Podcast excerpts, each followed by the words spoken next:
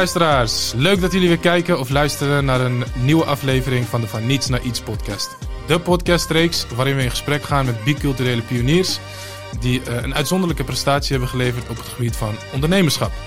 En vandaag zitten we wederom in de studio met een hele speciale gast. En zijn naam is Suleiman Geus. Ja. Spreek ik het goed uit, uh, Suleiman? Zo goed als. Zo goed als, bijna. 90% goed. Geus. Ja. Geus. Oké, okay. Suleiman, ik, uh, ik ga je heel kort introduceren, zodat de luisteraars uh, ja, weten waar het gesprek uh, ongeveer over gaat. En daarna gaan we gewoon lekker in gesprek. Ja. Goed? Oké, okay, let's go. Suleiman ja, is een, inmiddels een ervaren ondernemer en heeft ja, met, met zijn ondernemingen ja, 340 medewerkers in dienst. Hij is een maatschappelijk gedreven ondernemer. En dat komt terug in alle ondernemingen die hij, uh, op dit moment, uh, waar hij op dit moment eigenaar of mede-eigenaar van is. Hij begint uh, op jonge leeftijd als jongerenwerker. En inmiddels is hij eigenaar van Sensa Zorggroep en heel veel andere bedrijven. Het zijn er volgens mij negen of meer. Iets meer. Iets meer? Kijk, iets meer. Nou, dus heel veel bedrijven en dat is natuurlijk heel inspirerend. Hoe dit succes allemaal is ontstaan, uh, waar Suleiman tegenaan is gelopen, wat hij daarvan heeft geleerd, wat zijn toekomstdroom uh, is, dat gaan we allemaal horen in deze aflevering. Dus luisteraars, ik zou zeggen, blijf vooral luisteren en raak geïnspireerd. Suleiman, nogmaals, ja. welkom. Dankjewel. Hoe gaat het met je? Goed. Ja? Lekker weer hè? Voor, uh, het is uh, bijna november. Voor uh, no eind oktober. Ja. Heel mooi weer. Maar op de auto zag ik vanochtend 16 graden staan. Ja, ja, dat was ja. vanochtend om 9 uur. Dus dat is wel lekker. Dus daardoor, daardoor is het ook een beetje warm in deze studio. Maar uh, ik heb mijn jas al uitgehaald. Ja, dat is goed. Ik hoop dat we een mooi gesprek gaan voeren. Ik weet zeker dat zeker. het een inspirerend verhaal is. Dus ah, de, de, eerste vraag die we eigenlijk altijd stellen in deze podcast, die luidt als volgt. En het is, wat wilde jij worden toen jij vroeger heel klein en jong was? Ik wil altijd docent worden. Okay. Leraar maatschappijleer voornamelijk. Mm -hmm. uh, omdat ik altijd wel interesse had in maatschappelijke onderwerpen. Mm -hmm. uh, uiteindelijk heb ik dat gedeeltelijk gestudeerd, één of twee jaar. Uh, toen ben ik daarmee gestopt. eh, omdat ik ziek was volgens mij destijds. Uh, Maagsfeer was het volgens mij toch? Ja, onder andere. Yes, heb ik mijn huiswerk goed gedaan. ik heb inderdaad, dat was in, in dezelfde periode dat ik leraar maatschappij leer. Toen heb ik een uh, enorme ziekte gehad. Toen was ik uh, heel veel afgevallen en iedereen dacht, die man gaat dood. Ja. Um, dus ik ben geen docent geworden. Nee. Waar kwam die fascinatie vandaan? Want je zegt, ik wil inderdaad maatschappelijk verantwoord. Ik wil altijd impact hebben op de maatschappij. Maar was dat, was dat al aanwezig, dat gevoel bij, bij de hele jonge Suleiman? Of kwam dat later op de wat oudere leeftijd? Wanneer ja, begon dat? Toen ik al van kind af aan, Ja. ben ik volgens mij ook een beetje zo opgevoed, dat ik altijd wel, uh, uh, vooral voor mensenrechten en dierenrechten, is dat later ook wat meer geworden, Mhm. uh, wel altijd interesse had. En altijd, ik weet zelfs dat ik toen ik zeven of acht was volgens mij, al ging huilen om wat er ergens elders in de wereld gebeurde bij een oorlog en dat kinderen vermoord werden of onschuldige mensen. Ja. Dus dat zit er gewoon in. En ook in mijn ondernemerschap. ja, lijkt me ook eh, ja, een last op je schouder als je op zo'n jonge leeftijd al doorhebt wat er allemaal gebeurt in de wereld, welke onrechten Dat hier en zou niet willen weten, inderdaad. Ja, Ik was laatst in gesprek met een, met een aantal andere ondernemers. En toen zei iemand van, ja, vroeger hoorde je niet. Als er nu elders in, in de wereld een walvis aanstrandt, Ja. zelfs, da, zelfs daar word je verdrietig Mhm. om. Dus wij moeten in deze tijd leren om met onze sensitiviteit, ja, eh, vooral als je hoogsensitief bent, eh, veel beter daarmee eh, om te gaan. Want ja, anders elke dag hoor je wel continu negatief nieuws. En ja, het, het gebeurt gewoon. En het gaat erom wat jij ermee doet. ja, Niet alleen maar eh, zitten te huilen of eh, dat je daar verdrietig van wordt. Maar als je er impact op hebt, dan heeft het zin, anders niet. En dat is ook wat mij heel erg motiveert in mijn ondernemerschap. ja. Dus jij ziet dat soort dingen, je hebt het altijd gezien en op een gegeven moment heb je besloten, ik ga er iets mee doen. Ik ga eh, op een maatschappelijk gedreven manier ondernemen. En dat komt nu ook heel erg terug in alle ondernemingen waar je mee bezig bent. Ja. Daar gaan we het zo meteen eh, natuurlijk uitgebreid over hebben. En, en als we dan teruggaan naar je schoolperiode, hoe was jij als, eh, als leerling op school? Ehm, ik was geen slimme leerling. Ik zeg ook altijd aan. eh, ik zie natuurlijk heel veel startende en jonge ondernemers die, die om mentoring of coaching willen langskomen. En één of twee keer spreek ik ze wel eens. En ik heb ook al wat mentees. Ehm, de grootste motivatiebron voor hun is wat ik altijd zeg: van als ik het, als, als ik ben waar ik nu ben, dan kan jij het ook. Ja. Zo simpel is het. Ik was gewoon, ik heb VMBO-kader gestudeerd, later MBO. Mhm. Eh, laatste jaar dus niet afgerond was, in die, in, inderdaad in die tijd toen ik ziek was. Ja. Eh, of nee, mijn moeder was overleden. Sorry, mijn moeder was overleden zes maanden voordat ik mijn opleiding ging afronden. Dus dat werd niks. Eh, HBO, door mijn ziekte, heb ik niet af kunnen ronden. Eh, en tweede keer toen ik was gestart was met pedagogiek of sociaal-pedagogische hulpverlening. Ja, mijn onderneming draaide gewoon goed, dus ik had niet de behoefte om die af, te af te studeren. Ja. Eh, en daarvoor was ik taxichauffeur. Eh, ik zeg, als je van taxichauffeur zo ver kan komen, en als ik dat kan vooral, dan kan iedereen dat. Zo simpel is het. Ja, Daarom is het ook heel mooi. ik vond die titel heel aansprekend. Van niets naar iets. Dus niet van dat je een imperium bouwt, dat je groot bent. Je bent gewoon een mens. Ja. Je bent gewoon iets, meer niet. ja, eh, Oké, van niets naar iets is dan een stap. Maar je bent gewoon iets en je moet ook altijd gewoon iets blijven. Niet Ja. meer dan dat. het is niet dat we van niets naar imperium gaan. Hoeft niet. Uiteindelijk blijven we allemaal mensen en ademen we allemaal en stroomt er bloed door ons lichaam. En dat sprak je ook aan Ja, in en met die concept. zwakkanten ook. Hè. Eh, vooral als je bepaalde ziektes in je leven meemaakt, bepaalde eh, problemen meemaakt, Ja. dan, dan weet je altijd dat je gewoon iets bent. Ja, En eh, dan heb je niet die ondernemersego of dat je heel groot, want er, er wordt heel gro- groot gepraat over ondernemers vooral. Eh, ik ben daar totaal niet van. Je bent gewoon een mens die toevallig een bepaald succes heeft bereikt. Eh, dat heeft te maken met de, met de omgevingsfactoren, met het land waarin je woont. We hebben gewoon die kans gekregen hier in Nederland en da- daar moeten we ook dankbaar voor zijn. Ehm, dus je hoeft jezelf nooit groot te zien. Met iets- een heel kleine ziekte kan je al omvallen dus. Ja, want je geeft aan, eh, ik werd op een gegeven moment ziek, mijn moeder eh, overlijdt, je bent heel jong. Maar hoe ga je om met die tegenslagen? Ehm, kijk, voor, voor ons, of voor mij, was het vooral. ehm, ik ben altijd praktiserend geweest. Ja. Voor zover ik het kan. Ik zeg nooit dat ik, dat ik het heel goed doe, maar voor zover ik het kan. En dat geeft toch wel een bepaalde motivatie. Ja. Je, je raakt niks kwijt. Het leert je heel veel. En uiteindelijk, ehm, die tegenslagen die je op een latere leeftijd krijgt, dat stelt niks voor. Als iedereen zich gaat stressen om een crisis die aankomt nu, ik ben juist blij. Ik zeg juist, daar komen de kansen aan. Ja. Bij de corona, ja, ik had mijn warroom ingericht. Binnen twee dagen had ik mijn ABCDE-plan al. Ja. Dus wanneer iedereen zit te paniekeren, dan, eh, omdat jij juist je tegenslagen op jonge leeftijd eh, hebt eh, meegemaakt, Ja. dan maak er maar geen zorgen, meer- zorgen meer. Je hebt toch niks meer om kwijt te raken, zo zie je het al. Ja. Ehm, dus je gaat er veel makkelijker mee om en veel koudbloediger vooral. Ja. Ehm, je weet voor hetere veel- vuren gestaan ook. Juist, juist. Dat zeg je niks dus. Ja, en hoe, je zegt, ja, ik ben praktiserend, eh, altijd al wel geweest. Maar hoe ga je dan vanuit het geloof om met, met, met zo'n tegenslag als bijvoorbeeld heel ziek worden of je moeder verliezen? Hoe, hoe accepteer je dat vanuit geloofsovertuiging? Ja, dat is theorie natuurlijk. Hè? De, de theorie die, wij, die, die ik dus destijds heb geleerd is... eh, als je ziek wordt, dan worden al je zondes vergeven. Ja, Als je dat weet, dan word je toch blij dat je ziek Ja. bent. Dan ga je geen zorgen meer maken Nee, over ja. het hiernamaals waar, waar ik dan in geloof. Ja. Ehm, dus dat geeft een enorm, enorme kracht. Dat je je moeder op je hele jonge leeftijd kwijtraakt. Zo, de, de term kwijtraken al, eh, daar word je gek van. Ja. Daar kan echt gek van worden. Op je jonge leeftijd kan je gewoon heel verkeerde dingen dan gaan doen. Ja. En voor mij was het juist een moment dat ik juist hele goede, goede dingen ging doen. Ja. Eh, Vanwege de theorie van het geloof Vanwege en theorie, wat er tegenover staat ja, het is gewoon bij zo'n verlies. ik was laatst bij, bij, bij een leiderschapsopleiding, een executive leadership opleiding. Mhm. En ehm, wij moesten daar met de dansmovements moesten wij een, bepaalde vraag gaan beantwoorden. Ik denk, hè, hoezo dansmovements? Het gaat om lichaamstaal, dus dat is Ja. wel interessant. En om je energie die je uitstraalt tegenover degene die, die, die, die tegenover je zit. En mijn gesprekspartner die vroeg van, eh, hoe is het om bepaalde dingen achter je te laten? En hij had zijn familiebedrijf achter zich gelaten. Wel, hij heeft zijn aandelen, maar qua rol. Ja. En hij voelde zich blijkbaar schuldig. Ik dacht, hoe kan ik hier antwoord op geven? Ik dacht, ja, eigenlijk is het heel simpel. Ik ging opstaan. Ik deed een, de- een deur open, zogenaamd, hè, met, met een, met een dansfiguur. Ja. Ik deed de deur open. Ik ging door die deur. Ik deed hem weer dicht. Hij was stil. Na tien minuten vroeg hij van... Want je moet dat wel laten bezinken van... Je probeert bedoel- te begrijpen, ja. inderdaad. Mhm. Hij zegt, wat heb jij gedaan? Hij zegt, hij zegt wat, welke boodschap probeer je over te dragen? Ik zeg, eigenlijk is het heel simpel. Het is net de dood voor ons. Eh, je gaat gewoon van de ene kamer naar de andere kamer. Dus een hele, een, je hebt in je hoofd maak je een, een, een heel veel eh, herrie daardoor. Je maakt heel veel zorgen. Terwijl je niet, als je op deze manier ernaar kijkt, mijn moeder is gewoon van de ene kamer naar de andere kamer. Ik kan die kamer even niet in. Ja.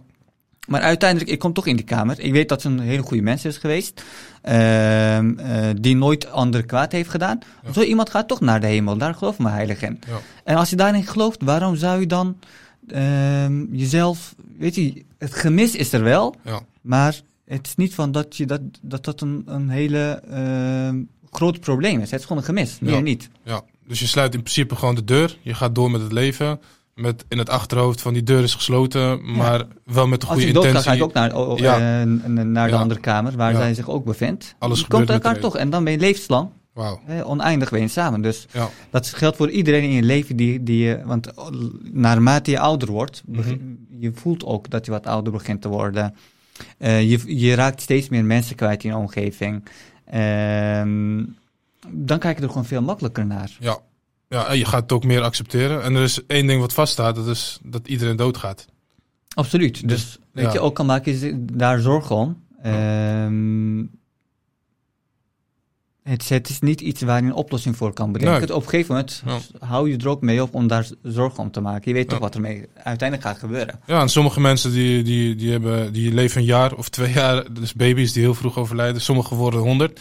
Sommigen ergens daartussenin. Maar het is eh, inderdaad, je weet nooit wanneer de dood komt. Maar als, als je weet dat de dood komt en dat accepteert. En vervolgens door weet te gaan met het leven. Dan geeft dat heel een hoop rust in je, in je hoofd. Ja, en als dat soort dingen meemaakt in je ondernemerschap, geldt Ja. ook hetzelfde. Het kan zijn dat je op een gegeven moment een bepaald bedrijf moet afstoten of moet stoppen, omdat je het niet leuk vindt of omdat, omdat je bepaalde dingen meemaakt. Of dat het niet werkt. Ja. Ehm, en, en je kan ook op een dag failliet gaan. Ik ben gelukkig nog nooit failliet gegaan, maar Mhm. aan de andere kant denk ik, ja, dat is ook wel iets wat ik nog nooit heb meegemaakt. Nee. Eh, waar, waar je ook wel sterker door wordt. Maar ik heb wel enorme recessies meegemaakt. En Ja. recessies die ehm, van buitenaardse aard waren. Dus Ja. die niemand anders in Nederland heeft meegemaakt. Of heel weinig mensen hebben meegemaakt. In 2016, de koepoging in Turkije. Ja. Ja, dat jij hier de lange arm letterlijk in je hals voelt. Ja. En, en ehm, van de ene op de andere dag, binnen zeven uur, dat je opeens als landverrader, als terrorist bestempeld wordt, als Zo. organisatie en als ondernemer. Dat Ja. je op een zwarte lijst staat, eh, op een vermoordlijst, op een boycottlijst. Het heeft diverse termen gekregen. Ehm, als je dat meemaakt, dan is een corona of een inflatie, stelt helemaal niks voor. Nee. En daar- binnen corona, binnen de, binnen de grenzen voor corona, kun je nog ondernemen. Maar in zo'n situatie inderdaad kun je niks meer. Ja, Bijna niks dat meer. denk je. Ja. Maar je ziet dat hij heel veel kan. En dat hij er veel sterker uitkomt. Toch wel. Eh, tuurlijk. Ja. Ik, ik, ben, ik ben pas gaan groeien na de recessie in 2016, na de zomer van 2016. Eh, op, qua persoonlijke ontwikkeling vooral. Ja. Je wordt veel sterker. Weet je, het, het maakt je helemaal niet meer uit wat andere mensen zeggen, vinden of zo. Je doet gewoon waar je van geniet. Ja. Eh, dus als ik ga investeren, kijk ik allereerst, vind ik dit leuk om te doen? Krijg ik hier energie van? Ja. Heb ik hiermee maatschappelijke impact? Zo niet, dan ga ik ervoor zorgen dat we hiermee maatschappelijke, maatschappelijke eh, impact kunnen hebben. Ja. Ehm, ik ben pas toen gaan investeren en investeerder gaan worden. Niet omdat ik het geld had, juist omdat ik niet het geld had. Mhm. Ik ben inv- investeerder geworden met geld die ik niet had. En dat was heel interessant, want ehm, ik moest gaan. Ik moest andere strategies gaan bedenken. Ehm, waarbij ik dus mijn eigen bedrijf, mijn zorginstelling kon redden. Ja. Eh, dat heb ik ook uiteindelijk gedaan. Met bepaalde tactieken en strategie ehm, heb ik gewoon mijn bedrijf gered. Ja. Die nu landelijk is geworden en toen nog een lokale organisatie was. Wauw. Dus je bent op een gegeven moment gaan investeren in andere bedrijven om bepaalde lopende projecten overeind te kunnen houden.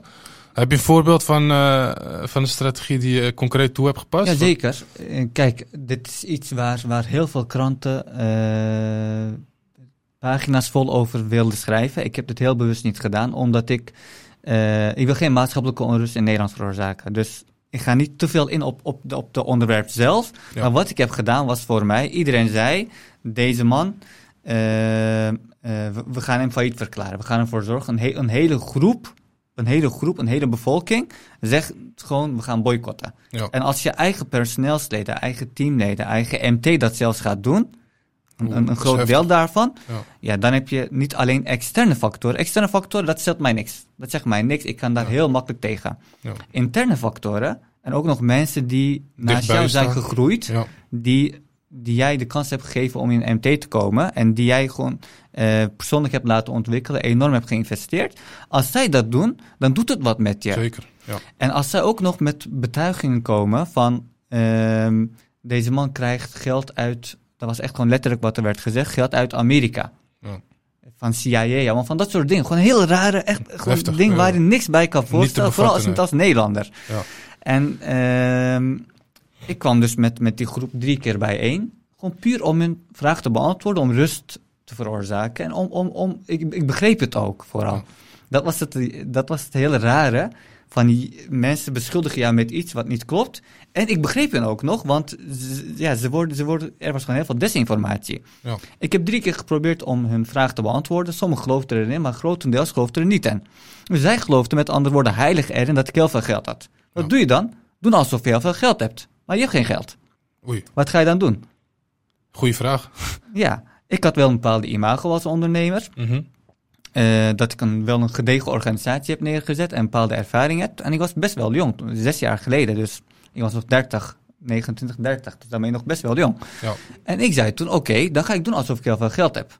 Ik heb een hotel overgenomen met geld van andere investeerders. Ja.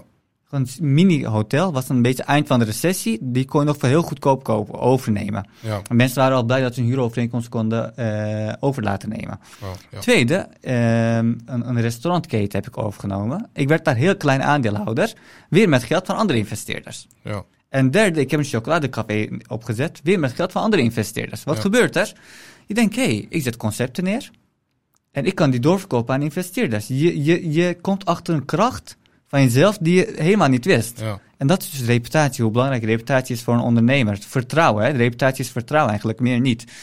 En wat heb ik gedaan? Ik heb die bedrijven gekocht. Ik heb daar een concept neergezet en ik heb hem doorverkocht voor een veel betere prijs. En met dat geld wat ik zelf heb verdiend, heb ik allereerst eh, de investeerders natuurlijk uitbetaald. Die, die waren blij, want die dachten, hé, hey, die man heeft gewoon binnen één of twee jaar een goede return on investment veroorzaakt. Ja. Behalve Dus je heb- reputatie wordt nog beter. je reputatie is nog beter geworden. Ik heb daar geld van verdiend, waarbij ik mijn eigen, eigen bedrijf heb gered, mijn eigen zorginstelling. Want Mhm. dat, was, dat is mijn belangrijkste, Dat belangrijkste hoofd- organisatie. Niet omdat ik daar geld van verdien per se, Ja. maar juist omdat dat mijn geweten is. Ja. Dat geeft mij energie. Dus ik dacht, dit moet ik allereerst gaan redden. Want dat is ook je reputatie redden. Het geeft je Ja. ook kracht, hè? Van dat, dat, dat, dat er gewoon bepaalde dingen tegenover je zijn. Ja. En ten derde, ik had een chocoladecafé opgezet, maar dat draaide zo goed.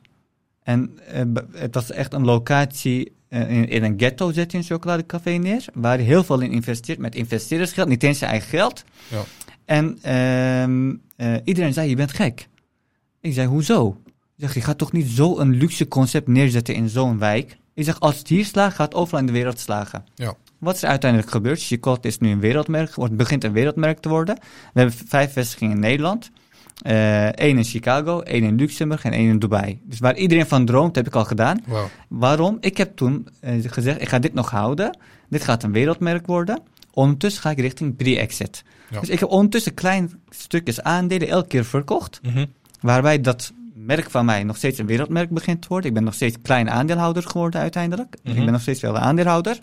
Maar ondertussen heb ik mijn geld nog verdiend. Ja. Dan ga je, dit is leuk om te doen. Dus daarmee heb ik eh, mijn investeringsfonds opgezet. Ja. Eh, omdat ik mijn bedrijf ging verkopen aan een investeringsfonds uit het buitenland. Mhm. Ik kreeg dus een aanvraag van hem van... Hey, zou je het niet leuk vinden om eh, ons, ons partner te worden in Nederland? Ja. Ik zeg, ja prima, dat lijkt me wel leuk. Zo ben ik eigenlijk een beetje deze wereld ingerold. Ja, wauw. Dus we gaan eigenlijk in de sneltreinvaart van hè, het bedrijf, de uitdagingen die, je, die dat eerste bedrijf had, waar je heel veel passie voor hebt, hè. En hoe je, dat, hoe je die uitdagingen te lijf bent gegaan, hoe je het probleem hebt opgelost. En hoe je uiteindelijk terecht bent gekomen bij het investeringsfonds. Bedankt voor die mooie voorbeelden. En als we dan nog een stukje teruggaan, hè, want we hebben, we hebben veel jonge luisteraars die luisteren naar deze podcast, maar ook gewoon young professionals die ergens aan het werk zijn en misschien wel willen gaan ondernemen of misschien niet. Ehm, als, we dan, eh, als we dan kijken naar de behoeftes van die mensen, en als ik jou dan de vraag stel van welke marktkans zag je, eh, waardoor jij met je eerste serieuze onderneming begonnen bent. Eh, wat was dat, dat toen? Wat was dat toen? Dat was niet ehm, per se omdat ik een marktkans zag, maar ik was jongerenwerker. Ik Mhm. werkte als taxichauffeur en tegelijkertijd als verkoper bij een opticien. Ja. Die waar mij opleiden tot opticien, wa- wa- waarbij ik dacht van, hé, hey, maar dit is echt een grote kans voor mij. Anderzijds, Waarom dacht je dat, dat het een grote kans was voor jou? Om op te Als je shinen. 1100 euro per maand verdient en als dat uiteindelijk 1800 of 2000 euro gaat worden, Dat is een mooie verdubbeling. dat was voor mij bijna een verdubbeling. Ja, ja, ja. En eh, dus je was heel jong. het ik was heel jong. Ik, Ja. was, ik, was, ik was al getrouwd, ik had al mijn eerste dochter. Ja. Ehm, dus je moet ook wat Verantwoordelijkheden, leven. Ja. inderdaad. Je hebt een enorme verantwoordelijkheid. Je hebt geen diploma op zak. Je hebt niks. Ja. Je hebt niks. Dan is dat gewoon een mooie kans inderdaad. Inderdaad. Dus dan zie je dat als een mooie kans. Maar ik heb dat niet gedaan. Ja. Ik zei, in plaats daarvan, eh, ik was daarvoor wel directeur bij een bijlesinstituut, eh, Mhm. voordat ik ziek werd.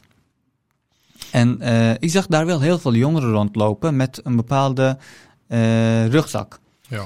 Ik zei, maar ik, ik ben best goed om hen te kunnen helpen. Ik Wat zat er in die rugzak van de jongeren? Ehm, autisme, gedragsproblematiek, psychisch, eh, Oké.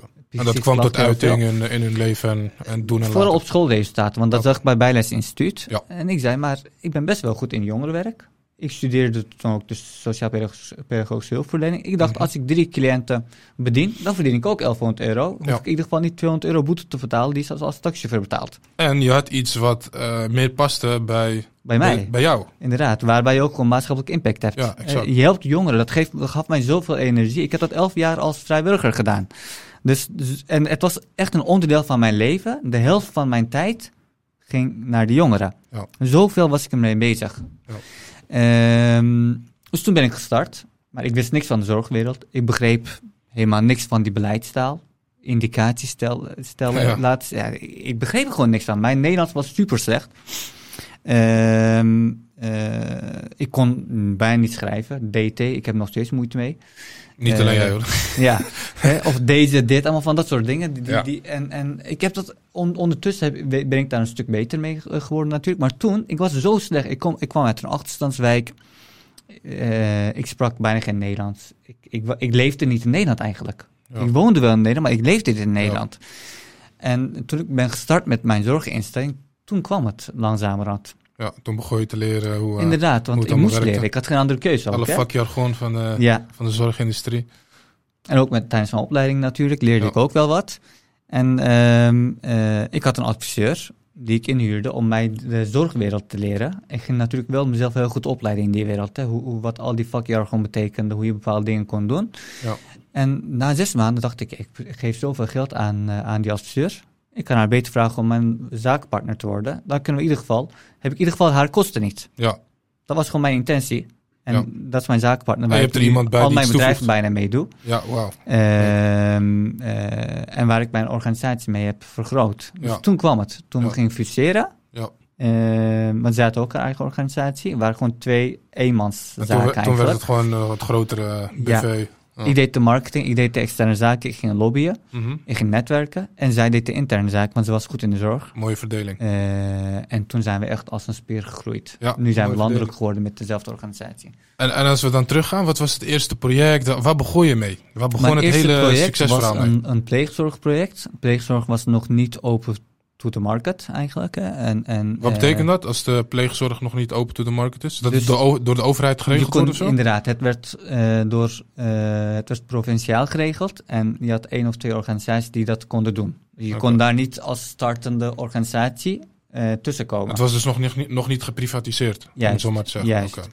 En ehm, wij gingen naar een bestaande pleegzorginstelling. Wij zeiden, ja, wij zijn cultuursensitief, wij zijn multicultureel, wij kunnen die doelgroep bereiken. Het klopt ook. Maar er waren nog geen visitekaart, nog geen website, we hadden niks. En wat Maar je zag wel dat gat in de markt van, hè? Ja, er is nog niet echt iets voor de multiculturele... eh, er waren te weinig eh, multiculturele pleegzorgouders. Ja. En toen wij waren gestart, was onze eerste opdracht, een serieuze opdracht, zeg maar, van een, een, de grootste pleegzorginstelling, eh, een van de grootste in Nederland. En voor ons was dat een hele grote omzet toen. Ja. Als ik er nu op terugkijk. Was dat ook denk, je eerste klant? je eh, eerste co-organisatie. Eerste Ah, klant oké. co-organisatie. Ik had wel wat cliënten natuurlijk. Zes of zeven cliënten, niet heel veel. Ja. Ehm, toen ging pleegouders be- eh, werven. Ja. Ehm, en dan, eh, met, lijkt me, met- lijkt me ook een uitdaging trouwens, om de juiste... het was een uitdaging, maar we vonden het super leuk om te doen, want we bereikten ook resultaten. We hadden heel veel pleegouders geworven op een gegeven moment. En die moesten allemaal door de screening. Nice. Eh, dat was ongeveer 2010, 2011, tweede of derde jaar van mijn ondernemerschap. Mhm. Wat gebeurt er? Opeens had Yunus, die bij lesbische pleegouders werd geplaatst. En wij waren de enige organisatie die iets met pleegzorg deed op het multiculturele gebied in Nederland. Ja, We kwamen in alle landelijke media, alle lokale media. Opeens waren we bekend. ja, En opeens werden we, kregen we allemaal prijzen. ja, Ik dacht, hé, hey, zo begin je dus een merk te bouwen. ja. Dus alles is een beetje van nature gegaan. Ja, een beetje organisch, vanuit die passie die je had voor eh, dat maatschappelijk Ik gedreven wil gewoon die kinderen helpen. Ja, En, en ehm, eh, met goede pleegouders, die, die ook gewoon de culturele eh, aspecten er ook bij hadden. En die Ja. gewoon geschikt waren als pleegouder. ja, mooi. Ja, als je een bepaalde passie hebt, dan kom je er wel. Ja. En we gingen toen met de flow mee. Er waren protesten in Nederland. De Turkije ging zich ermee bemoeien. En wat gebeurt er? Ja, er, was, er is één iemand die er kunnen spreken. En dat was ik. Ja. Ik was ook 23, 22. Je was een beetje de woordvoerder. eh, Inderdaad, ik werd echt overal uitgenodigd. Ik had heel slimme keuzes gemaakt om niet overal aan mee te doen, zoals Paul Witteman. Want ze wilden mij toen tegen de COC-voorzitter zetten. ja, Maar ik zei, jullie hebben niks aan mij, want wij zijn niet tegenstrijdig. ja, Ik heb niks tegen lesbische of homo pleegouders. Nee. Ik zeg, het zou beter zijn als past bij de culturele aspect van die kind. Maar er waren geen andere pleegzorgouders. Ik had juist heel veel respect voor de lesbische pleegouders. ja. Wat gebeurt er dan? Ik zeg, ja, jullie hebben niks aan mij. Nee, dus heeft geen zin. Niet. Ja, Ja, dat heeft geen heel zin. simpel. En dan krijg je ook van die rare gesprekken daar. En, eh, hoeft niet. Weet dat hoeft niet. hoef Kun je beter vermijden, snap ik. Ja. Geduwd, wordt, eh, geduwd te worden. Ja. En strategisch gezien was het een heel slimme keuze. eh, want je had de luxe om dat te doen. Ja. En zo begin je eigenlijk een brand te bouwen. En toen zijn we echt gaan groeien. Want wanneer, eh, wanneer kwam die media-aandacht? Hoe lang was je bezig? Een jaartje of drie gaf je net aan, volgens mij? Twee, twee, drie, Twee, ja. drie. Was dat ook het kantelmoment? Dat je echt mensen in dienst begon te nemen? Nee, ik had al wel wat mensen in dienst. Ja, Ik meer mensen- 20, 30 mensen in dienst. Oh, maar dat was wel het kantelmoment van, van eh, dat je een, eh, een merk begint te bouwen. Dat je echt Ja. bekend begint te worden als organisatie. Ja. En dan wil iedereen met je samenwerken. Want je bent degene Ja. die wel in de jeugdzorg de multiculturele doelgroep kan bedienen. Ja. Ik was een van de eerste ook in de jeugdzorg in Nederland. Ja. eh, op cultuursensitief gebied. Eh, en nu ben ik de grootste. Wauw. Je krijgt op een gegeven moment inderdaad heel veel media-aandacht. Eh, je gaat van een redelijk groot bedrijf met 30 man personeel. Krijg op een gegeven moment waarschijnlijk veel meer aanvragen. Maar hoe ga je om op het moment? Hoe ga je om met die aandacht? Je gaat op een gegeven moment moeten schalen. Wat doe je dan op dat moment? Wat heb je toen gedaan? Eh, met media-aandacht bedoel je? Nou, met- algemene Ja, aandacht? alge- nou, de algemene groei van je bedrijf door de aandacht die je krijgt en het merk wat je aan het bouwen bent. Kijk, he- Hoe ga je om ehm, met die ik zeg groei? altijd, je, je hebt, je hebt ehm, media-aandacht is goed. Ja, Als het is eh, zoals jij het wilt. Als jij daar sturing aan kan geven. Je moet je, je moet wel, ehm, je wel daarin laten trainen. Zonder een mediatraining moet je dat gewoon niet gaan doen. ja, Ehm, eh, en je moet ook gewoon goede keuzes maken. Je moet niet overal heen gaan waar je wordt uitgeno- uitgenodigd, puur omdat het populair is. ja, Je moet daarheen gaan als je boodschap kan overdragen. En als je, als, als je impact gaat hebben. ja, Ehm, dus dat enerzijds, de, de, de aandacht vanuit de media. Ja. Ehm, anderzijds, de groei. ehm, ik ging met 100% per jaar groeien bijna in die jaren. Maar van 10 naar 20 personeel is te doen. Van 20 naar 40 ook. Maar van 40 naar 80 begint lastig te worden. ja, waarom? Ehm, want van 40 naar, kijk, van 20 naar 40 is, Hm. nog, is nog behapbaar. En als een team boven 30 mensen of 50 mensen wordt, dan begin je corporate te worden. Ja, Ook qua omzet. Je hebt bepaalde ehm, drempels. Als je drempel overgaat, dan moet je wel weten waar je aan begint. Ja. Ik zeg aan iedereen, je moet niet willen groeien met omzet per se. Je moet willen groeien met winst. ja, Als je winst maakt, groei je. Niet als je omzet maakt. Ik ken bedrijven die enorme omzet hebben, maar die minimum marges hebben. ja, zoals de zorg. Ja. Ik heb ook daar hele mooie omzetten, maar mijn marges zijn gewoon heel beperkt. En eh, ik heb ondernemen geleerd in de zorg. Ik krijg heel vaak vragen, hoe kan het dat een zorgondernemer zoveel bedrijven heeft? Is heel simpel. omdat het moet. Is heel simpel. Ik heb geleerd met ondernemen in de zorg met minimale marges, Ja, maximale risico's, continu controles, continu veranderende wet en regelgeving en ehm, budgetplafonds of bezuinigingen waar het tegenaan loopt. ja, Je leert bureaucratie, je leert politiek, je leert diplomatie, je leert financiële beheersbaarheid. Als je dat allemaal kan, wat is een horeca nou? Wat Ja. stelt een hotel nou voor? Niks. nee, is helemaal niks. Dat als je, is- als je in de zorg kan ondernemen, ja, dan kan je overal een ondernemen. ja, En vandaar dat ik nu in al die andere bedrijven gewoon heel makkelijk doe. ja, Want ik heb geleerd met minimale marges dat te doen. ja. Die leerschool in de zorg die was zo extreem uh, goed. Ja, inderdaad. Dat alles wat je er nu bij bent, doet inderdaad, of nou een hotel opkopen is of een merk opbouwen, dat dat eigenlijk ja, twee vingers in de neus makkelijk, easy. Ja. Wauw, dus je ga je op een gegeven moment van 40 naar 80. Ik kan me voorstellen dat je dan niet alle namen van de medewerkers uh, weet. Je gaat inderdaad qua omzet moet je op een gegeven moment een accountant hebben in plaats van een boekhouder. Dus je moet overal aan voldoen. En de cultuurveranderingen. En de cultuurverandering. En dat is heel lastig. De grootste uitdaging bij groei, van personeel vooral, is dat, je, dat je cultuur gaat veranderen en hoe daarmee om te gaan. Ja, hoe ben jij je kan niet meer zeggen van de dat je, met 20 mensen, je kan zeggen wij gaan die kant op, iedereen rent die achterna. Je kan een goede leider spelen. Ja. Maar als dat meer dan 100 worden, 200, 300, ja. dan is dat een heel ander geval. Dan moet je een systeem neerzetten. je moet ook andere leiders hebben binnen je bedrijf. Ja. Uh, zelfsturende teams is heel mooi gezegd, maar dat werkt niet bij, bij mijn doelgroep. Ja. Dus daar moet je anders mee omgaan. En, en dat je wel die cultuur probeert te behouden. Je, je let daarop. Je maakt daar een bepaalde strategie voor. Het is niet meer van je bedenkt iets, je doet het. Nee, je moet iedereen in je organisatie overtuigen die een sleutelrol hebben. Je moet mensen meekrijgen. Ja. En, en als, maar eigenlijk is, je leert op een gegeven moment dat het niet anders is om die 30 mensen, sleutelfiguren binnen een organisatie, mee te krijgen. Het is hetzelfde als de eerste 30 personeel die je hebt. Ja. Als je die 30 mee hebt, heb je iedereen mee. Ja. Het verschil is, bij die 30 die later in de organisatie binnenkomen, dat zijn veel slimmere mensen. Mensen die al een bepaalde ervaring hebben. Mensen die ook wat te zeggen hebben. En dat is juist weer een kracht van jou. Dat je, als je hun kan overtuigen en hun kan meenemen. Of juist hun ideeën ook meeneemt. Dat is het interessante. Je laat het eigenlijk over aan hun. Ja. Ik ben niet meer de leider die alles beslist. Nee. Ik ben de leider die alles laat beslissen. Ja. En kan dat ook is niet juist anders de als je zo groot Ja. bent. Laat hun maar beslissen. Waarom moet jij per se alles willen beslissen en controleren? Ik controleer niks. Ja. Ik heb meer dan 15 bedrijven inmiddels. Ehm, ik controleer niks. Ik stel de, eh, de, de KPI's. Iedereen een target. Ja. Ze krijgen een budget mee. Ze krijgen mensen mee waarmee ze kunnen sparren. Dus een coach, ik ben een mentor. Eh, ze krijgen een opleiding mee waarbij ze zichzelf kunnen ontwikkelen. Ja. Eh, en allemaal interne opleidingen waarbij ze dus bepaalde dingen leren die ze van mij moeten leren. Dat wel. Ja. Eh, als ondernemer zijnde. Voor de rest, dus ik hoef ze niet te spreken. Ze hoeven Ja. niet te zeggen, ik heb deze klant binnen, ik heb zoveel omzet. Gaat me helemaal niks aan. Nee. Je hebt je target, Ja. je hebt je investeringsbudget. Als je daarmee die target kan behalen, heb je het goed gedaan. Zo niet, je mag fouten maken. Tot drie keer mag je dezelfde fout maken, derde keer niet. Ja. En als, als managing partner of als, als directeur van mijn bedrijf, eh, het gaat erom van dat je aan mij kan vertellen wat je ervan hebt geleerd. Ja. Het bedrijf mag failliet gaan, is ook niet erg. Ja. Als ik maar zie van dat jij daarmee hebt ontwikkeld en, En dat, dat dat, ik dan met jou door kan gaan naar het volgende bedrijf. Ja. ja, ik denk ook dat op een gegeven moment, als het bedrijf zo groot wordt, dat inderdaad het sowieso niet te doen is om zelf alles te regelen. En ik denk dat je het sowieso goed hebt. Ik weet zeker dat je het goed hebt aangepakt, want je bent succesvol. En sowieso, als je ergens in een ruimte zit en je bent de slimste en je hebt een bedrijf met 300, 400 man in dienst, dan denk ik, eh, ja, dat dat niet per se altijd goed is. Want ja, als je zoveel mensen in dienst hebt, is het altijd beter om andere mensen in dienst te nemen die kunnen aanvullen en zelf kunnen gaan runnen. Ah, mooi. Dus je gaat op een gegeven moment van 30 personeel, eh, 30 man personeel naar wat groter bedrijf, naar wat extreem groot bedrijf. Ehm, op dit moment eh, ja, meer dan 300 man personeel in dienst met Sensa. Ja, ik weet het niet. Nee, niet, niet alleen Sensor met alle bedrijven. Met, met, met alle bedrijven. Ja. En bij sommige bedrijven, die nemen niet eens alle personeel mee, want ja, dat zijn gewoon grote bedrijven. Ja, Ik ben daar maar een onderdeel van, dus oké, ik snap het.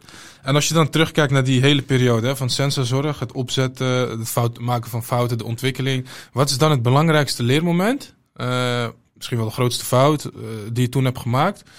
Eh, ja, wat heb je daarvan geleerd? Hoe, wat wil je daarvan meegeven aan onze luisteraars? Ehm, ik, heb, ik heb echt heel veel geleerd. Eh, allereerst ehm, met overlijden van mijn moeder Ja. en mijn ziektes heb ik allereerst geleerd dat je gezond moet zijn als ondernemer. Ja. Mensen hebben het heel vaak over time management. Ik zeg time management komt na energiemanagement. Je moet je energie gaan managen. Je moet Ja, zelf hoe doe je dat? Energie zijn, goed managen? Ehm, ik, ik vertel die al, hey, ik heb mijn eigen paarden. Ja. Ehm, dus ik sport daarmee. Ik, haal, eh, ik, heb ook, eh, ik ben nu ook paardentherapeut geworden. Ik doe het niet, maar ik, ik heb geleerd hoe je paardentherapie kan geven. Dat doe ik aan mezelf en aan mijn eigen kinderen en aan mijn eigen omgeving. Ja. Ik vind dat gewoon super interessant. Eh, dus ik doe dingen wat ik leuk vind Ja. qua energiemanagement. Ehm, als ik naar mijn paard ga, al mijn negatieve energie is gewoon weg. Ja. Zo simpel is het, want mijn paard is mijn therapeut. Ja. Eh, daarnaast, ik heb, ik heb een, een psychiater Ja. die nog steeds zegt van wat kom jij hier nog steeds doen? Omdat ik destijds een enorme paniekaanval heb gehad, ben ik naar hem geweest. Ik zeg, jij, jij, gaat, jij bent mijn coach nu. Hij coacht mij, meer niet, Ja. op mijn eh, mentale vlak. Als ik ergens iets meemaak, dan leer ik hoe ik daarmee moet omgaan. Dus ik ben nog steeds heel leergierig. Ja. Eh, ik volg elk jaar wel meerdere opleidingen, trainingen en cursussen. Eh, ik werk heel weinig. Ik werk volgens mij geen 40 uur. Ehm, elke middag heb ik mijn eigen moment. Dan ga ik naar mijn eigen café, waar ik mijn boek lees. Of, mijn- of mijn vrienden weten dat ik daar ben, die komen daar ook langs. Ja. Dus dat is mijn moment. Iedereen weet binnen mijn organisatie waar ik ben Op dat en moment. wat ik doe. Ja. En, en dat niemand mij mag lastigvallen. Ja. Elke middag heb ik mijn powernap. Ja. Ik Oh, heb een massagebank in mijn eigen kamer. Ja. En iedereen mag, als ik in de middag ben ik niet op kantoor, dan kan iedereen daar gebruik van maken. Oké. Eh vergader doe ik regelmatig wandelend. Dat vind ik eh, veel beter dan in een kamer te vergaderen. Ja. Eh, op die manier, ja, dat is gewoon energiemanagement. Ja. Dus dat is één element. We moeten deze podcast eigenlijk ook staan doen, Koen. Ja. Ik denk dat er dan veel meer energie Of vrijkomt. fietsend. Met die fi- bureaufietsen. Oh ja, dat Ik kan heb- ook nog. Ik zat al te denken, hoe ga je dat fietsend buiten doen met die wind en zo. Maar oh ja, dat, maar daar komt inderdaad een Dat bepaalde heb ik in mijn energie kamer, ja. Of Wauw. in, in, op ons kantoor, iedereen heeft een bureaufiets. Ja. Dus dat is het energie-element, hè? Als je kijkt van wat heb ik geleerd, hoe ben ik omgegaan met bepaalde... Energie- en stressmanagement, hè? ja. Dus het, het is natuurlijk met, het is ook gezondheidsmanagement eigenlijk. Dus het is alles buiten time management. Time Ja. komt daarna wel. Ja. En, en het belangrijkste element voor wat betreft time management wat je dan geleerd hebt, waarvan, wat, wat zou je daarvan zeggen? Van let hierop als je groter gaat worden met ondernemen of überhaupt bezig bent met ondernemen. Je, je moet leren loslaten. Als je, als je niet kan loslaten, dan ga je overal mee bemoeien. Je, dan wil je nog steeds bepaalde meetings bijwonen. Ik woon bijna geen meeting meer bij. Ja. Ik, heb maar twee, drie standaard meetings die ik bijwoon, voor de rest niet. Ik hoef niet te weten. Jij hebt dat natuurlijk ook moeten leren, dat leren loslaten. Absoluut. Maar hoe, eh je hebt die ervaring al, hoe, hoe kom je erachter van ja, ik moet echt, echt gewoon gaan loslaten. En hoe heb jij dat gedaan? Kijk, dat is ook... ehm, ik ben iemand die echt een lezer is. Ik lees heel veel boeken. En, Ja. en je leert in welke fase je onderneming zit. Dat kan een, co- een coach of een mentor jou ook leren. Ik heb ook continu coaches gehad. Ik heb nog steeds een coach trouwens, een business coach. Ehm, dat je leert en dat je beseft in welke fase je zit en wanneer je wat moet doen. Als je weet wanneer je een managementteam moet opzetten, dus dat moet niet te vroeg zijn, helemaal niet te laat, Ja. ehm, dan heb je al, dan leer je al los te laten. Ja. Ehm, als je weet bij welke drempel je ehm, eh, over moet gaan naar meer een, een commissarisrol, in plaats van een operationeel directeurrol, dan neem je een, een, een gezonde beslissing. Ehm, als je weet wanneer een operationeel directeur moet aannemen, dat is een hele dure kostenpost, Ja. maar wel een van de beste beslissingen die je kan nemen, als je het kan waarborgen. Ja. En dat zijn allemaal risico's en investeringen die je wel tijdig moet nemen. Ja, en je zegt van, eh, Het is gewoon theorie. ja, je, en je zegt ook van je moet eigenlijk weten wanneer je dat moet doen. En dat Eh, maar- leer je vanuit boeken. En dat leren Trainingen, vanuit boeken. cursussen, Ja, coaches. Er zijn, er zijn gewoon bepaalde methodieken. Je moet die methodieken kennen. Als ondernemer, die kan niet zeggen van ik doe het impulsief. Nee, Eh, Tot 10, 20 procent kan je dat wel. Maar na 50 personeel, impulsief ondernemen gaat niet meer. Ja. Je moet weten wat je doet. Je moet, want ehm, je bent als bestuurder aansprakelijk voor alles wat je doet. Ja. En dat is niet extern, maar ook intern. absoluut. Je, kan ook, ehm, eh, je moet uiteindelijk eind, eind van de maand al die salarissen en al die vaste kosten kunnen betalen. Ja. Dus je bent, je bent eh, verantwoordelijk daarvoor. Ja, En als je die verantwoordelijk gaat delen met iedereen, al die tussenlagen die er zitten, en iedereen in je organisatie, tot aan de laatste persoon die, die, die in het veld zit, als je die verantwoordelijkheid, eh, verantwoordelijkheid gaat delen, dan hoef jij die last niet op je schouders te dragen. ja, Je bent mede verantwoordelijk. mooi voorbeeld van gewoon loslaten en... eh, En kunnen loslaten, En ja. kunnen loslaten. Waarom zou je dat niet willen? Ja. Ik zeg, eh, van iets naar iets zeg, toch? Ja. En dat vind ik echt een, een hele mooie term. Hier kan je het ook gebruiken. Je bent ook van niets naar iets gekomen. Ja. En die mensen die ik in dienst heb, in mijn zorginstelling, ook bij mijn meeste andere bedrijven, dat zijn mensen die meestal academisch eh, opgeleid zijn. ja, Dus die zijn al veel beter dan mij. Ja. Dus waarom zou ik me voordoen alsof ik slimmer of beter ben dan hen? Zij zijn beter dan mij. Ik heb alleen meer ervaring als ondernemer en ik deel mijn ervaring. Meer niet. ja. Mooi, mooi voorbeeld van hoe je kan, kunt loslaten. Je geeft ook aan, eh, dat leer ik ook heel veel, dat is een stukje ervaring, maar ik leer het ook uit boeken. En tegelijkertijd noem je ook Eh, als je een goede coach hebt, dan heb je iemand die jou een beetje die kant op kan sturen. Maar voor de luisteraars die eh, of willen beginnen met ondernemen, of al een stukje verder zijn op het gebied van ondernemerschap, ehm, hoe vind je een goede coach? Kijk, een ik heb heel veel coaches gehad. Ook heel veel waarvan ik dacht van ja, dit is niet, niet, niet heel interessant. Maar van elk coach heb ik wel iets geleerd. Ja, Van, van, ik leer van iedereen wel, wel, wel iets. ja, En vooral van heel veel leer ik heel veel. Ehm, en een goede coach leer je met ervaring van andere ondernemers die ook een goede coach hebben gehad. Dus als mensen op zoek zijn naar een goede coach, dan kunnen ze mij heel simpel een PM sturen via LinkedIn. Mhm. Ik, hoef, ik kan hun die, die namen doorgeven. Er zijn genoeg goede coaches. Ehm, maar jij moet weten eh, hoe je een coach gaat gebruiken. Ja. Niet hoe een coach, wat jouw coach jou wil leren, maar wa- wat jij van een coach wil leren. Jij moet de opdrachtformulering, want jij bent de klant van een coach. Hè? Je moet weten wat je wil. Inderdaad, mensen denken heel vaak, coach mij komt iets leren. Dat klopt, maar jij bent de opdrachtgever. Dus Ja. jij, leert, jij geeft aan de coach door van, dit is wat ik wil leren. Dit is wat jij moet onderzoeken. Dit is wat jij mij moet doorgeven. Anders weet zo'n coach natuurlijk niet waar hij of zij Ja, moet anders gaat beginnen. de coach gewoon standaard dingen leren. Ja, ja, ja. wa- waarvan hij denkt, of zij denkt, eh, dat jij nodig hebt. Ja. Maar klopt dat wel? Niet altijd natuurlijk. Dus formuleer voor jezelf altijd goed. Wat is je doel? Waar wil je naartoe werken? Waar zit je mee? En vraag dan vooral gewoon in je netwerk aan ondernemers of mensen die in een netwerk met ondernemers zitten. Wie beveel je aan? Juist. Oké. Dus mochten luisteraars eh, zoiets hebben van... hé, hey, ik, eh, ik ben op zoek naar een goede coach. Dan mogen ze jou een LinkedIn berichtje sturen? Ja, alleen LinkedIn berichtje. hè? Ja, LinkedIn berichtje. Oké, die houden we erin. Ik, eh, ik denk dat het zo'n mooi eerste stuk is van deze, van deze aflevering. Waar we het hebben gehad over. Hè, waar begon het allemaal? Die hele transitie. Weet je, waar ben je tegenaan gelopen? Externe factoren, recessie, noem het maar op. Hoe heb je dat opgepakt? En ja, waar sta je nu eigenlijk met je ondernemingen? Eh, een standaard onderdeel van, ja, van deze podcast is de snelle rubriek. En in de snelle rubriek stel ik jou drie vragen. Waar je kort antwoord op kan geven. En dan eh, pik ik een van die vragen uit. Dan gaan we er later op terugkomen. Dus dat je, ja, als je er klaar voor bent, ga ik nu beginnen met, eh, met de eerste vraag eh, uit de snelle rubriek. Die luidt als volgt. Ehm, in welk ander land zou je graag willen ondernemen? Waar je nu nog niet actief bent? Bosnië. Bosnië. Mooi. Eh, met welke andere ondernemer zou je graag een kop koffie willen drinken? Volgens mij heb ik met iedereen wel een kop koffie gedronken in Nederland. Mhm. Die, ik, die ik zou willen, willen leren kennen. Oké. Voor de rest, ik heb niet echt per se iemand meer... Er staat nog niet iemand op je to-do-lijstje waarvan je zegt, nou, dat is wel echt iemand eh, die voor nu onbereikbaar is, maar daar zou ik wel een keer een kopje koffie mee willen ehm, oplichter van Gucci. Oplicht, de opricht, ah, Oprichter opricht, van ja, Gucci, leeft ja. hij nog? Ja, ja, anders zou je daar geen, uh, wie is dat eigenlijk? Ehm, ik, ik ken zijn naam niet. maar Ik heb, ik heb het boek gelezen van de ehm, verhaal van Gucci. Ja, hoe hij zo'n product voor zo duur kan verkopen met Mhm. enorme winstmarges. ja, Kijk, dat soort ondernemers zijn interessant. Ja. Dus het is niet per se dat ik met een koffie wil drinken, maar ik heb heel veel respect voor hem. Dat hij gewoon mensen die van minimumloon, eh, die mensen die minimum, minimumloon verdienen, ik zou dat nooit doen vanuit ethisch perspectief, Eh, maar dat hij aan hun eh, zo'n dure product kan verkopen, Ja, die het eigenlijk niet waard is, maar hij heeft gewoon een goede brand neergezet. ja, gek is dat inderdaad.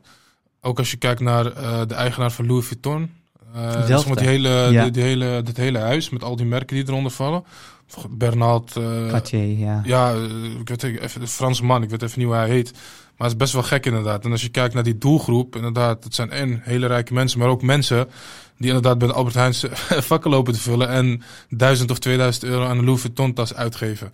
Dat ethisch Dat is toch te gek? niet helemaal. Maar hoe doe je dat inderdaad? Ik zou het ook daar best wel willen weten. goed gedaan. Ja, dat Als is gewoon, ja, ondernemer, dat, is mer- merkbouw inderdaad. Maar inderdaad, ik zou daar het geheime recept ook van willen weten. Eh, derde laatste vraag uit de snelle rubriek. Welke andere industrie zou je graag op dit moment aan willen pakken als je daar de tijd voor zou hebben? Eh, landbouw. Landbouw. Dat is een interessant antwoord. Waarom, waarom de landbouw? Eh, er komt natuurlijk een voedselprobleem aan in de Ja. wereld, een voedseltekort. Ja, wereldwijd Eh, en een gezond watertekort. Ja, of schoon watertekort. Ik vind, ik vind dat heel interessant om daar iets in te ondernemen. Maar het is een hele grote wereld. Dus als ik dat ga doen, dan moet het niet iets kleins zijn. Ik moet wel een innovatie daarin hebben. Dat is echt de markt van de toekomst. Schoon water en, en landbouw of akkerbouw. Eh, ik vind dat een, een hele interessante branche. Ja. En vooral ook heel leuk. Ik wil, En- gewoon, ik wil gewoon boer zijn uiteindelijk. ja. En je bent in Nederland wat dat betreft op goed terrein. Want als je kijkt naar hoe ver Nederland is met, eh, op het gebied van landbouw. En, Vandaar ook die keuze voor landbouw in plaats van schoon water of schoon energie. ja, Eh, want in Nederland hebben wij daar, zijn wij daar gewoon een van de beste in de wereld. ja, leuk. Nou, wie weet, over vijf of tien jaar eh, ben je actief in een hele andere industrie. En dan spreken we, je- spreken we je misschien eh, nogmaals. Ik denk eh, dat dat sowieso een goed uitgangs, uitgangspunt is. Ook voor de luisteraars die nog niet ondernemen en willen gaan ondernemen. Richt je inderdaad vooral op uitdagingen die op dit moment spelen in de wereld. Voedseltekort, energietransitie, watertekort inderdaad die gaat ontstaan. En als je, als je, het zijn natuurlijk wel grote projecten, maar je kan ook op een hele kleine manier eh, je bijdrage leveren in een... Je kan onderdeel project, hè? zijn Hoeft van, niet altijd van- groot zijn. Inderdaad, je kan onderdeel zijn van het grote probleem. Ja, En elk ondernemer, als je iets, iets doet en als je een bedrijf hebt, dan moet je een probleem oplossen. Als je een probleem oplost, dan heb je, heb je een waarde. Zo niet, dan heb je alleen maar concurrentie en dan zit je in de red ocean in plaats van de blue ocean. ja, je moet altijd waarde toevoegen. Op het moment dat je waarde toevoegt, dan gaan mensen bij je kopen of afnemen of eh 100% mee eens. Nou, dat was de snelle rubriek, dankjewel. Eh, eh, het tweede gedeelte van de podcast gaat over waar wil je naartoe in de toekomst? Eh, welke toekomstdromen heb je nog allemaal op de agenda staan? Dus daar gaan we nu mee beginnen. En dan begin ik eigenlijk meteen met de eerste vraag van eh, het tweede onderdeel van deze toekomst. Van deze podcast moet ik zeggen. En die, die vraag die leidt eigenlijk als volgt. Ehm, ja, je, je hebt een bepaald toekomstbeeld, maar waar hoop je over vijf jaar te staan? Eh, ik was eergisteren met een eh onderneemster in gesprek over eh, ook dezelfde vraag van, van wat zou uiteindelijk willen doen dan? Ja. Ik zeg ja, ik heb in mijn ondernemersleven heb ik bijna alles al meegemaakt wat ik zou willen meemaken. Mijn, een van mijn doelen was franchise neer te zetten, heb ik gedaan. Ja. Een franchise brand, eh, internationaal brand neerzetten. Ja, daar ben ik al, al eh, aan, eh, met chocolade bezig. Dus dat begint al een internationaal brand te worden. Ja. Ik doe ook internationaal al heel veel zaken met, ook met mijn andere bedrijven. Dus dat is niet meer heel interessant. Ehm, ik zou nog wel een keer een unicorn willen opzetten. Dus een van mijn bedrijven gaat ook een unicorn worden. Ja, we hebben al twee, drie bedrijven die, die we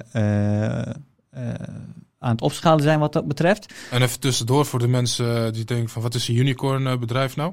Dat is een bedrijf die een, minimaal een miljard waard is. Ja. En ehm, eh, dat vind ik gewoon leuk om een keer mee te maken. Ja. Dat ik daar een onderdeel van ben. Ehm, voor de rest heb ik vanuit ondernemerschap heb ik niet per se doelen meer van ik wil per se dit of dat bereiken. Ja. Ehm, ik heb wel maatschappelijke doelen in mijn, met mijn ondernemerschap. En dat is juist dat ik elk jaar die Tiny Forest die ik nu opzet, minibos die ik opzet vanuit mijn stichting, eh, dat ik na tien jaar, eh, want inmiddels Vertel daar eens meer over als je wil, want je laat het zo even eh, vallen. Ja. Tiny Forest, wat, Wat wij wat doen doe je is allemaal? vanuit al mijn bedrijven sponsoren wij dat. En, en voornamelijk vanuit mijn zorginstelling. en wat doe je dan zetten wij precies? in achterstandswijken minibossen neer. Oké, In, indien mogelijk met een natuurspeeltuin. En grote, eh, voor de aankomende projecten zijn voornamelijk dat we schooltuinen, eh, eh, de speelplekken op schooltuinen, eigenlijk dat het groen gaat worden. Groene Ja. speeltuinen. ja, leuk. Of gro- groene schoolpleinen, sorry, groene schoolpleinen. Mhm. In achterstandswijken. Dus waar ik ook zelf vandaan kom. En, en waar ik vanuit mijn eh, zorginstelling op gericht ben. Want helaas, in Nederland heb je veel minder speelruimte in die achterstandswijken. Dat is vanuit Janssen Beton, een van mijn partners, is dat ook onderzocht. Ja. Er is gewoon veel meer beton. En die kinderen verdienen ook gewoon een groene, Ja. speelrijke omgeving. Eh, ik vind het gewoon heel mooi dat ik na... We zijn nu bezig met de derde. In januari is de derde wordt gepland in Amsterdam Zuidoost. Ja, mooi. En dat ik dus na zeven jaar eh, tien Tiny Forests heb neergezet in Nederland. Samen met mijn vrienden en met mijn andere ondernemers. Eh, of met mijn andere bedrijven. Eh, want ik ga daar ook met mijn eigen dochters heen. Ja. Dat ik gewoon kan laten zien. Weet je, wij, hebben weer, wij hebben geïnvesteerd in Nederland. Ja, en in die jeugd. En in de jeugd. En in groen. En in Natuur. dieren. Ja. Dus ja, wat je nog meer willen? Dat is mijn grootste, ik denk, eer eigenlijk wat je kan over... Weet je, wat je gaat achterlaten aan je kinderen, moet dat zijn. Maatschappelijke rollen die je hebt vervuld. Maatschappelijke eh, dingen die je achterlaat. Ja. En eh zelfs geldt, ook voor weeshuis. Dat je elk jaar een weeshuis gaat openen. Ja. En dat doen we ook vanuit de stichting, dat we weeshuizen eh, onderhouden. Ehm, dat geeft mij meer energie dan al die bedrijven. Ja, dus over vijf jaar zie je, zie je zelf veel meer impact hebben op de maatschappij. In plaats van alle ja, commerciële dingen waar je al mee bezig bent geweest of nog steeds mee bezig bent, dat je daar per se veel groter mee bent. Buiten het unicorn bedrijf uh, opzetten Ja. daar. Kijk, dat Ja. groot worden, dat gebeurt al. Ja. Dat gaat van nature. Dat Ja. is geen doel meer. Eh, ik, heb, ik heb geen één bedrijf die slecht gaat of geen één bedrijf die failliet is gegaan, gelukkig tot nu toe. Ik heb er eentje, ges- eh, eentje gesloten. Dat was een, mijn eerste bedrijf buiten de zorg, wat is een medisch groothandel in 2012. Was een internationale bedrijf. Eh, dat was geen succes voor mij. Ik heb daar heel veel van geleerd. Waarbij ik dus nu bij mijn volgende bedrijven, dat gebeurt al. Ik heb al een infrastructuur neergezet waarbij al mijn bedrijven sowieso groeien. Ja. Al mijn bedrijven sowieso winst maken. Ja. Dus dat is geen doel meer aan Nee. zich. Dat is ook nooit mijn doel geweest. Dat, dat hoort er gewoon bij. Maar als je daarmee maatschappelijk impact kan hebben, dan is dat pas interessant. En als je daarvan kan genieten. Ja. Na vijf jaar, ja, ik ga in mijn vliegende auto rijden. Ja. Dat is gewoon waar, waar ik zelf ook een onderdeel van ben. En dat ik een van de eerste ga worden die ook in, in zo'n auto gaat zitten. ja. Wel elektrisch, hè? Nee, dat gaat niet lukken. Dat is impossible binnen vijf jaar. Dus Oké. Zover is de technologie nog niet. Maar dat is zeg maar wel een prototype die eraan gaat komen. Ja. Eh, dat gaan we sowieso doen. Ja. Hè? De- wij gaan ook de eerste worden die een vliegende auto. Oh, dat eh, is echt een van de bedrijven waar je mee bezig bent. Ja, ik, heb een, ik, ik ben Ah, dus partner van een vliegende auto van Nederland. Dat is mijn grootste eer, dat ik Mhm. als de Turkse Nederlander Mhm. eh, ook onderdeel mag zijn van die fabriek in Nederland. Leuk. En ook de eer heb om daar de distributeur of de ambassadeur te worden voor Turkije. Ja. Ik ga het ook meenemen naar Turkije. Mooi. En wij zijn de eerste in de wereld als Nederland die dit in de markt heeft gebracht. Fijn, ja. Dus dat is ook nog een stukje wat erbij komt kijken eh, binnen nu en vijf jaar, als het goed is. Als Zeker. alles goed volgens ja, plan gaat. Zeker. Ik denk dat de luisteraars wel een goed beeld hebben van eh, ja, wat je over vijf jaar graag zou willen toevoegen aan de economie. Het heeft voornamelijk eh, ja, te maken met de maatschappelijke impact en vooral de positieve richting en de jongeren waar je op richt. Dus dat is heel mooi. En als ik dan daar een mooie koppelvraag aan, tenminste een vraag aan koppel, die luidt dan als volgt van wat is dan jouw persoonlijke droom? Dus even buiten het feit om waar je nu mee bezig bent. Wat is jouw ultieme droom, eh, droom eh, Suleiman? Mijn ultieme droom op persoonlijk niveau is ehm, eh, inderdaad die tiny forest. Dat je gewoon op een gegeven moment, ik denk na mijn veertigste, dus na vijf jaar ongeveer, of na mijn vijftigste, dat ik, dat mijn bedrijven, ik heb daar al managing partners, die worden al gerund door anderen. Mijn Ja. zorginstelling, daar heb ik ook een directeur bovenop, die wordt ook gerund door haar. Dat ik op een gegeven moment wel mij nog meer kan terugtrekken. Dat ik puur bezig ben met mijn stichting. Ja. En met dat ik gewoon heel veel, nog meer geld kan ophalen vanuit mijn eigen bedrijven. En in plaats van één tiny forest, drie kan doen. En Ja. in plaats van één weeshuis, drie weeshuizen kan neerzetten. Dat ik gewoon, ja, al, ehm, eh, bezig ben met mijn stichting. Ja. En, en alleen maar voor de maatschappij. Dus Ja. eigenlijk goede doelen. Goede doelen. Ja, dus ook voor het moment dat als je doodgaat, dat die niet alleen de bedrijven doodgaan, maar ook de weeshuizen die je hebt opgericht, dat daar mensen echt Die moeten doorgaan. worden. Dat, ja. Ja. dat dat echt dus een soort als iets is wat door blijft gaan. overgenomen Ja. door mijn kinderen of door, door een andere investeerder. Mijn opdracht gaat ook zijn.